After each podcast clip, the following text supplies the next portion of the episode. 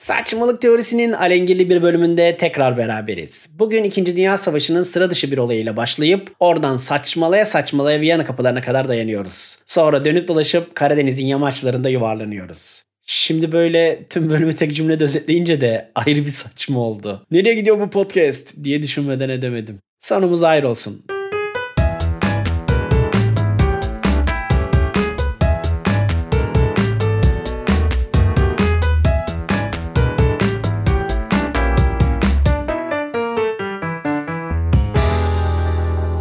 Normandiya çıkartmasının bir hafta kadar sonrasına gidiyoruz.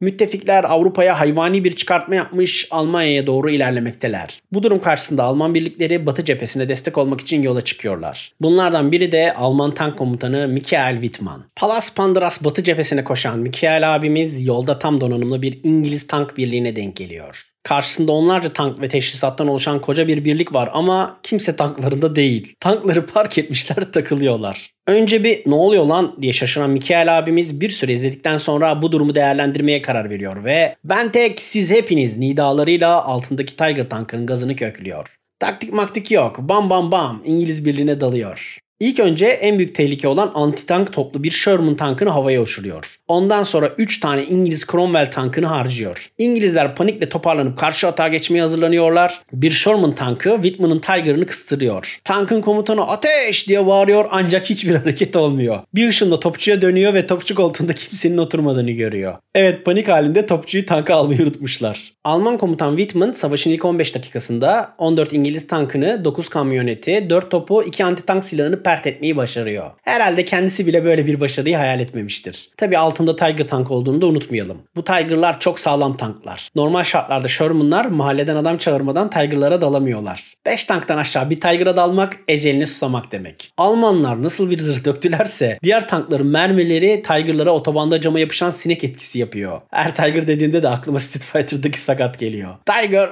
Tiger, Tiger. Bir alttan bir üstten ateş topu atardı şerefsiz. Eğil zıpla, eğil zıpla, eğil zıpla. Sonra tam üstüne atlardın. Tiger'a forkart. Bir ayak vardı 3 metre ileri çapraz vururdu. Daha sen havaya zıplayacağım derken ağzına topuğu yapıştırırdı. Neyse konudan kopmayalım. Tabi bu olaylar İngilizler için ciddi sıkıntı oluyor. Moral bozukluğu bir yana böyle bir şey nasıl olabilir? Tam donanımlı koskoca bir birlik nasıl böylesine tarumar olabilir? Uzmanların incelemeleri sonucunda olayın sorumlusu ortaya çıkıyor. Çay. Evet çayı çok seven İngilizler savaş başlamadan bir çay demleyip içelim demişler ve tankları park edip çay molası vermişler. Bu ne oğlum? Sigara falan olsa anlayacağım da çay ne? Meğersem bu tankı park edip çay demleme olayı çok yapılan bir şeymiş. Her ne kadar daha önce böyle büyük bir hezimet yaşanmamış olsa da çay molalarında yaralanma olayı çok sık olan bir şeymiş. Neticede tanka kolay kolay bir şey olmuyor ama içinden çıktığın zaman kabuğunu terk eden sümüklü böcek gibi avlanıyorsun. Whitman koskoca birliğe tek atınca İngilizler çok önemli bir karar alıyorlar. Kararı söylüyorum tüm tanklara çay makinesi koymak. Saçma ama gerçek. Böylece askerlerin tanklardan çıkmalarını engellemeyi hedefliyorlar ve başarılı da oluyorlar. Hatta bu gelenek günümüzde halen devam ediyor. Modern İngiliz tanklarında standart donanım olarak mutlaka bir çay demleme makinesi bulunuyor. Bitman abimize gelince savaşın sonlarına doğru bir tepeyi almak için şansını tekrar zorluyor. Ancak bu sefer kuşatmanın içinde kalıp hayatını kaybediyor. Yine de savaş tarihinde Ace yani as tank komutanlarından biri olarak yerini alıyor. Tabii bana sorarsanız işin saçmalığı herkes kahve içerken bu İngilizler neden çay içiyorlar? Hayır içtikleri çay da çay değil. Sütlü ılık su. İçsen uykunu getirir. Bizdeki bol posulu gırtlak yakan çaylar gibi değil ki. Hani içince bir çarpsa kendine gelsen filan. Sütlü çay ne ya? Kahve iç bir enerjin artsın dikkatin yükselsin. Garip millet gerçekten. Dünyayı nasıl yönetmişler bu keyifçilikle anlamak mümkün değil. Lordum Hindistan'ı istila mı etsek? Dur sütlü çayımdan bir fırt alayım. Şimdi o kadar adam topla, ordu kur filan hiç kasmayalım. Sinsilik yapıp birbirlerine düşürelim ne dersin? Çayı içince bana da bir ağırlık çöktü lordum. Çok mantıklı. Adamlar böyle böyle bütün dünyayı kolonileştirip oturdukları yerden yürümüşler ya. Gerçi İngilizlerin de her zaman çaycı olmadığını yeni öğrendim. Meğersem zamanında Çin'den gelen gemiler boş dönmesin diye çay yükleyip getiriyorlarmış. Böyle böyle çay milli içecekleri olmuş. Kapitalizm wins ya da emperyalizm wins mi demek lazım bilemedim. Konunun uzmanları karar versin. Önce Çin'den gelen tüccarlar ve aristokratlar çay içmeye başlamış. Böylece çayın toplumda üst tabakaya ait havalı bir imajı oluşmuş. İşte fincandan içmeler, hüpletmemeler, serçe parmağı kaldırmalar falan gibi türlü türlü ritüeller. Bizim gibi fortumlama yok anlayacağınız. Buradan da tabana yayılmış. Daha sonra çay içen fabrika işçisi de kendini lord gibi hissetmeye başlamış. Bizde çayın serüvenine bakıyorum tam tersi. Tabandan tavana yayılmış. Bir şeyimizde ters olmasın yahu. Asıl bizim çay serüvenimiz daha da saçma. Hani şu anki çay içişimize baksan insanlığın başlangıcından beri Türkler çay içiyor dersin. Yarınlar yokmuşçasına içiyoruz. Öyle ki dünyada kişi başına çay tüketiminde birinciyiz. En yakınımızın neredeyse iki katı çay içiyoruz. Peki bütün bu çay içme manyaklığı nereden geliyor dersiniz? 1920'lerde bakmışlar Karadenizler deli dolu. Bunları boş bırakmaya gelmez. Bunları meşgul edecek bir iş yaratalım demişler. Ve her yere çay ekmeye karar vermişler. Bu. İşte bugün manyaklar gibi çay içmemizin sebebi. Bu yamaç boş durmasın. Çay ekelim insanlar içer demişler ve bir millet çay tiryakisi olmuş. Hani popüler bir geyik var ya bir çay demleyeyim içilir. İşte bu sözün bir öncesi var. Bir çay ekelim demlenir.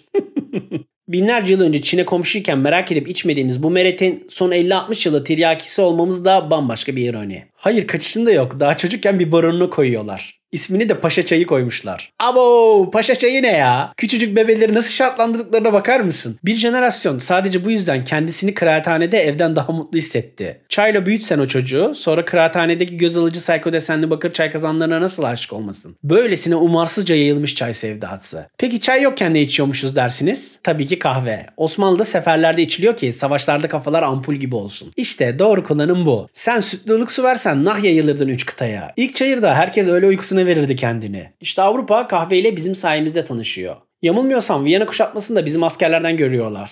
Geri çekilirken bırakılan erzaklar sayesinde kahvenin hastası oluyorlar. Hatta şu ünlü kahve ve kruvasan geleneği de buradan türüyor. Zaten dikkat ederseniz Avrupa'nın kendisine gelmesi bundan sonra. Kahve adamları açmış, kafaları çalışmaya başlamış. Nereden nereye? Bizden öğrenmişler, şimdi Starbucks'ta bize kahve satıyorlar. İşte kartona koymak aklımıza gelmemiş. Hep bunlardan kaybediyoruz. Ben mesela her sabah Tol Americano ile caddede 300 metre yürümeden güne başlayamam. Hani alıp hemen ofisime gelirsem olmuyor. Önce elimde birkaç yüz metre yürümem lazım. Böyle yapınca kafası daha güzel oluyor. Gerçi Americano'dan da soğudum. Bu Americano 2. Dünya Savaşı sırasında espresso içemeyen Amerikalılara verdikleri sulandırılmış kahveymiş. O yüzden adı Americano olmuş. Yani paşa çayının kahve versiyonu. Paşa kahvesi. İşte önceki bölümlerde bahsettiğim o malum konu. Öğrenmişliğin çaresizliği. Americano'nun bebek kahvesi olduğunu öğrendikten sonra kahvemi içerken nasıl kendime önemli işler yapıyormuş gibi hissedebilirim ki? O yüzden artık filtre kahveciyim. En azından hipsterlara yanlarız. Onlar hiçbir zaman eskimiyorlar. Tank mevzusuna dönersek bu konularda içim hep bir buruktur. İkinci Dünya Savaşı bizim ters zamanımıza denk gelmiş. Kaçırdığımız halı saha maçını arkadaşlardan dinliyor gibiyiz. Biz siz savaş mı olur Allah'ını seversen ya. Binlerce yıl savaştık, tek bir savaş kaçırdık. Şimdi herkes onu anlatıyor. Ya bu arada tabii ki savaş kötü bir şey. Ben olaya biraz da kültürel açıdan bakıyorum. Düşünsen 2. Dünya Savaşı'na girdiğimizi, o zamanın şartlarıyla bizim de tank tasarladığımızı. Mahmut V2. Düşman tankları full kamuflajı saklanırken bizimkisi mehter çala çala gidiyor. Bir sağ palet dönüyor, bir sol palet. Tank yanlaya yanlaya giriyor savaşa. Düşman görse bunu bir tırsar kesin. Komutanım bunlar nasıl bir manyak? Hangi ejderin ciğerini yediler de savaşa yanlayarak giriyorlar? Bu işte bir numara var. Sakın saldırmayın. böyle böyle düşmanın dibine kadar gidiyorsun. Patlayan kapakları indiriyorsun. Köz kömür hazır. Tankın yanları mangala dönüşüyor. İngilizler çay makinesi koyduysa bize de mangal yakışır herhalde. Hemen diziyorsun tavuk kanatları. Mis gibi tavuk kokusu sarıyor savaş alanını. Adamlar savaşı bırakıp bize katılmazlarsa neyim? Psikolojik harp böyle yapılır. Ha al bakalım bir kanat daha. Şimdi söyle bakalım benle. La ilahe al bunu da götür. Evet. İllallah Muhammeden. Evet al bunu da.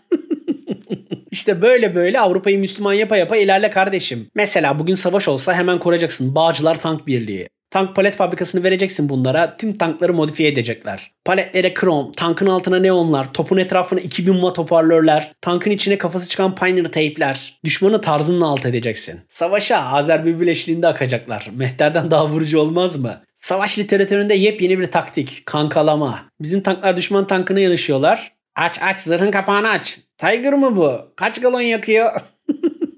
Şu muhabbete dayanabilecek bir düşman yok. Anında kankan olurlar. Tankları yan yana dizip önünde çömelip muhabbete sararsın. Neticede savaş dediğim psikolojik mücadele. Gönülleri kazanırsan savaşmanı bile gerek kalmaz. Peace at home, peace in the world.